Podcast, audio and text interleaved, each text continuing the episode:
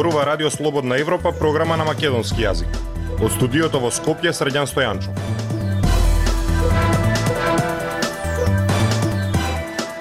Ја слушате емисијата на Радио Слободна Европа почитувани. Во неа објавуваме Протести на административците кои останаа покусо. Не може за едни да има покачување на платите, за други не. Пристојната комуникација во собранието е одам на минато време. Смртта на шестгодишната Јана со многу сомнежи и се уште без разврска. Слушајте не. Независни вести и анализи за иднината на Македонија на Радио Слободна Европа и слободнаевропа.мк. Во здравството се зголеми само минималната, но не и другите плати, па сега и медицинските сестри се на минималец. Административците во културата бараат исто покачување од 30% како и нивните колеги во Министерството за финансии. Во финансии пак велат дека нивните плати се зголемени поради специфичните работни задачи и посебна одговорност. Вработените во јавниот сектор кои добија многу мало или никакво покачување на платите по растот на минималната плата протестираат за повисоки плати. Велат не може за едни да има покачување, за други не. Владата донесе одлука минималната плата од овој месец да се зголеми од 18 на 20.175 денари, но покачување на платите во здравството ќе добијат само тие што имале под 20.000 денари. Во синдикатот велат дека сега се изедначуваат платите на сите пет најниско платени категории во здравството, односно 11.000 луѓе ќе работат за минималец. Слободанка Гранчаровска, медицинска сестра од клиничката болница Тетово, вели дека втор пат се покачува минималецот, а платите на медицинските сестри остануваат исти. Па знаете, состојбата во државата каква е? Со инфлацијата сите се жалат, ама на некој начин по другите сектори се покачи платата во здравството не. Доктор Симон Силјановски, почесен председател на Синдикатот за здравство, предходно реагираше дека тоа е недозволиво. Метлата и сапунот се изедначва со инфузијата и инекцијата. Дури има сестри што ќе бидат помалку платени, се случува имаме појави да одат сестри викат сакам чистачка. Некам да се тресам над пациентот, да не ми направим болија, алергија. Значи, комплетна деструкција ради непочитување на колективниот договор ќе доживеат 11.000 луѓе. Од владата пред две недели сигнализираа дека во буџетот не се предвидени пари за зголемување на платите. Покачувањето на платите за вработените во Министерството за финансии и во Собранието го зголеми незадоволството кај останатите административци. Платите во Министерството за финансии беа зголемени за 30% преку Законот за буџети. Собраниските службеници пак добија покачување преку Законот за собрание. Административците од култура на протест бараат подпишување на колективен договор и покачување и за нив. Тие обвинуваат за селективност и прашуваат што се тие покусо. Затоа сакам да го прашам министерот за финансии Фатмир Весими. Дали оваа група на вработени работи помалку сложени работи од вработените во Министерството за финансии? Рече Бојан Трипуновски од синдикатот. Во Министерството за финансии ни одговорија дека нивните плати од почетокот на оваа година се регулирани со Законот за буџети поради специфичните работни задачи и посебната одговорност што произлегува од работното место. Министерството предходно ја правдаше одлуката за повисоки плати со стравување дека ќе останат безвработени бидејќи си давале откази од и земале најниски плати.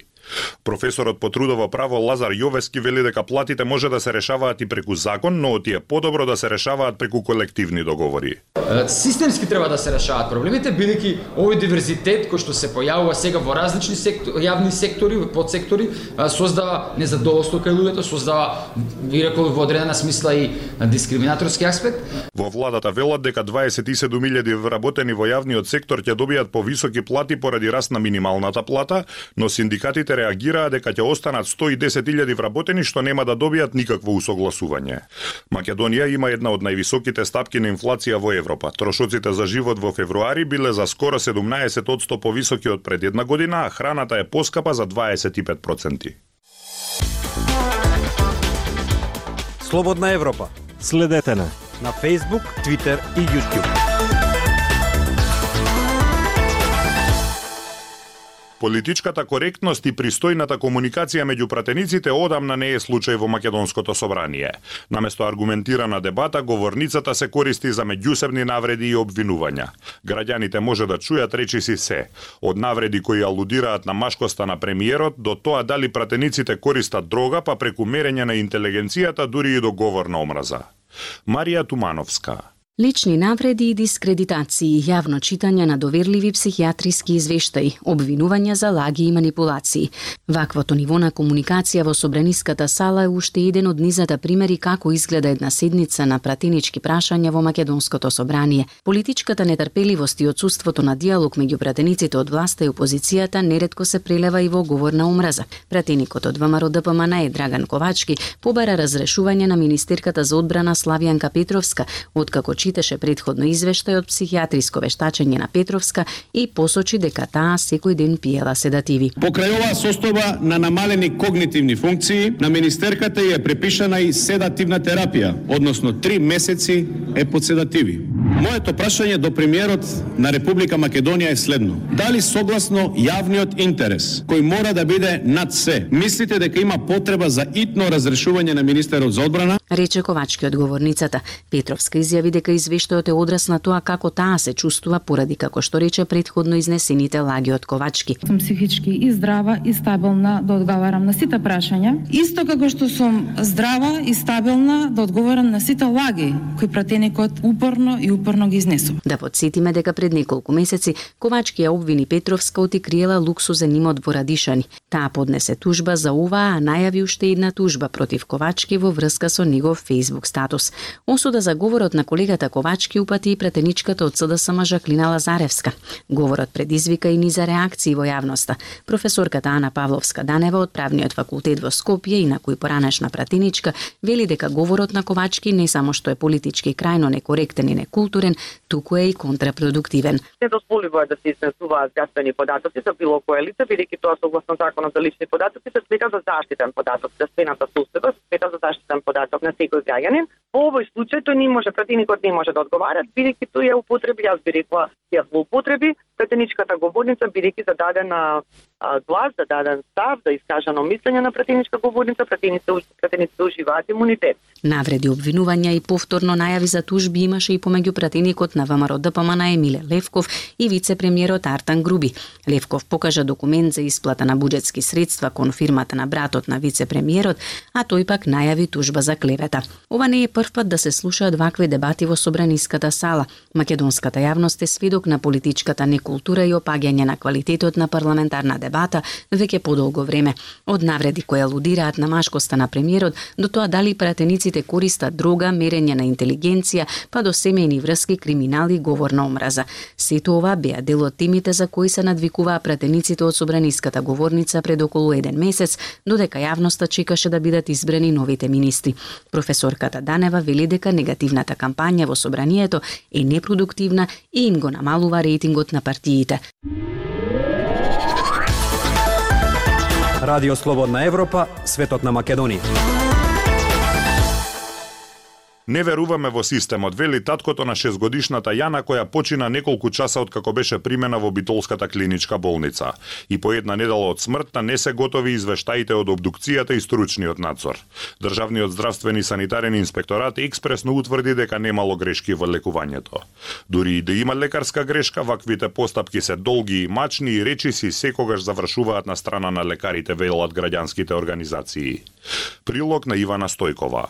Министерството за здравство и по една недела од смртта на 6 годишната Јана тврди дека се уште не се готови извештаите од обдукцијата и стручниот надзор. Родителите воопшто и не веруваат во системот, но велат одлучиле јавно да вговорат за да не се повторат вакви случаи. Семејството, роднини, пријатели и граѓани под мотото Правда за Јана денеска организираат протест во Битола на кој како што велат бараат да се дознае вистината од што почина 6 годишното девојче. Организаторите на настанот во објавата на социјалните мрежи ги повикуваат граѓаните да се приклучат на протестот на кои како што се вели, ќе порачаат дека е доста од нефункционалноста, партизацијата, лошите услови во здравствениот систем и префрлувањето на вината кај пациентите. Протест се најавува и во Скопје пред Министерството за здравство. Шестгодишната Јана почине на 22 март во Битолската клиничка болница само неколку часа откако била примена со оток на очите, болки во грлото и нозете и повраќање. Незините родители се сомневаат дека девојчето не било соодветно третирано и велат дека и покрај покачениот шекер во крвта примало инфузија со гликоза пошто шекерот се skoczył na 19. Во интервју за ТВ Сител, Кристина Истојча со потрасно сведоштво раскажа за денот кога изгубија нивната керка и голготата низ која минала. До влошување на ситуацијата на Јана дојде по истекување на половина од инфузијата, дојде сестрата ја извади инфузијата и Јана поврати обилно само вода и устата и посини. Тогаш докторката дојде со трчање и мерија шекер кој беше 19, изјави мајката на девојчето. Како што објаснува Кристина, по ова Јана била преместена на одделението за полуинтензивна нега на детското одделение. Прашував што е работата, тие ме брка одвнатре, ми кажа излезат од тука работиме пациентот е во тешка состојба и правеа ЕКГ и ставија уште една инфузија во прстот, раскажа мајката. Откако стигнале резултатите од крвземени венски, докторката и кажала на Кристина дека се покачени мускулните ензими дека мора да заминат итно за Скопје, бидејќи станувало збор за вирус кој можел да стигне до срцевиот мускул. Во меѓувреме, како што раскажа родителите, девојчето веќе немало знаци на живот. Тие тврдат дека таа немала никакви заболувања предходно, но и дека никој од нив немал било какво заболување и се сомневаат на грешка во третманот. Која е причината за смртта на Јана и дали имало пропусти во лекувањето треба да покажат обдукцискиот извештај и стручниот надзор. Но и по една недела од смртта на девојчето овие извештаи не се готови. Министерството ни прецизира колку време ќе им треба на комисиите да го затворат случајот. Од таму само Кусовела дека е формиран тим од детски ендокринолог, пулмолог, кардиолог, хематонколог и анестезиолог кои го испитуваат случајот и се веќе на терен. Тие треба да го изготват извештајот за текот на лекувањето. Премиерот Димитар Ковачевски денеска изјави дека ќе ги чека податоците од извештаите пред да се носат одлуки. Во меѓувреме здравствениот инспекторат по извршената вонредна инспекција во болницата во Битола утврди дека нема пропусти во рамки на нивните надлежности. Случајот со Јана во кој блиски на пациентите се сомневаат на грешки не е единствен, но многу вакви случаи со години чекаат на разврска и одговори стојат во фиоките на Министерството за здравство. Таткото на Јана вели дека нема верба во системот ниту пак никакви очекувања, но одлучил јавно да говори за како што вели, да се спаси можеби нечи друг живот. Актуелности свет на Радио Слободна Европа. Оваа година имаше неколку знаци пред почетокот на академската година дека милитантите ќе поништат својата забрана за афганистанските тинејџерки да одат на училиште, но сепак тоа не се случи. Во декември талибанците исто така го забранија и универзитетското образование за жените. Организациите за човекови права и активистите жестоко реагираат на одлуката. Пренесува Емил Златков. Ова недела во Афганистан започна новата учебна година, но на девојчињата над 600 одделение се уште им е забрането да одат на часови. Лани талибанците направија пресрд во последен момент, откако со месеци ветуваат дека ќе им дозволат на тинеџерките да одат на училиште.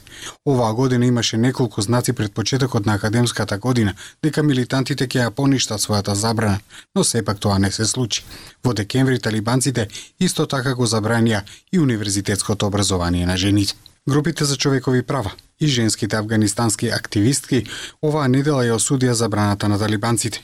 Во сообштението УНИЦЕФ рече дека неоправданата одлука на милитантната група ги уништи надежите и со ништата на повеќе од 1 милион девојчиња. Забраната е олицетворение на тоа како талибанците го гледаат светот, односно тие стравуваат од образовани жени. Вели поранешната афганистанска пратеничка Шукрија Баракзаи. Афганистан е единствената земја во светот каде на девојчињата им е забрането да одат во средно училиште. Талибанските ограничувања за образованието на девојчињата, како и нивните строги ограничувања на правото на жените на работа и слобода на движење, им сигнализираа на афганистанците, но и на меѓународната заедница дека милитантната група е склона да го обнови својот брутален режим од 1990-тите. Но се чини дека драконската политика на талибанците врз девојчињата и жените имала контраефект. Ограничувањата се сметаат за една од причините зошто тврдокорната исламистичка група допрва треба да добие меѓународно признание и домашен легитимитет. Забраната за образование дури ги подкопа и религиозните интеграции на талибанците. Групата беше под силни критики од муслиманските земји и од исламските свештеници кои ги повикаат талибанците да ја укинат забраната. Долгорочно забраната за образование која ја воведоа талибанците веројатно ќе има разорно социјално и економско влијание. Во август Уницев процени дека оваа забрана се претвори во загуба од најмалку 500 милиони долари за афганистанската економија во последната една година. Со одбивањето на талибанците да ја поништат својата забрана, некои афганистанци ја повикаа меѓународната заедница да воведе дополнителни санкции против талибанската влада. Ја слушавте емисијата на Радио Слободна Европа на македонски јазик. Со вас беа продуцентот Дејан Балаловски и Средјан Стојанчо. До слушање.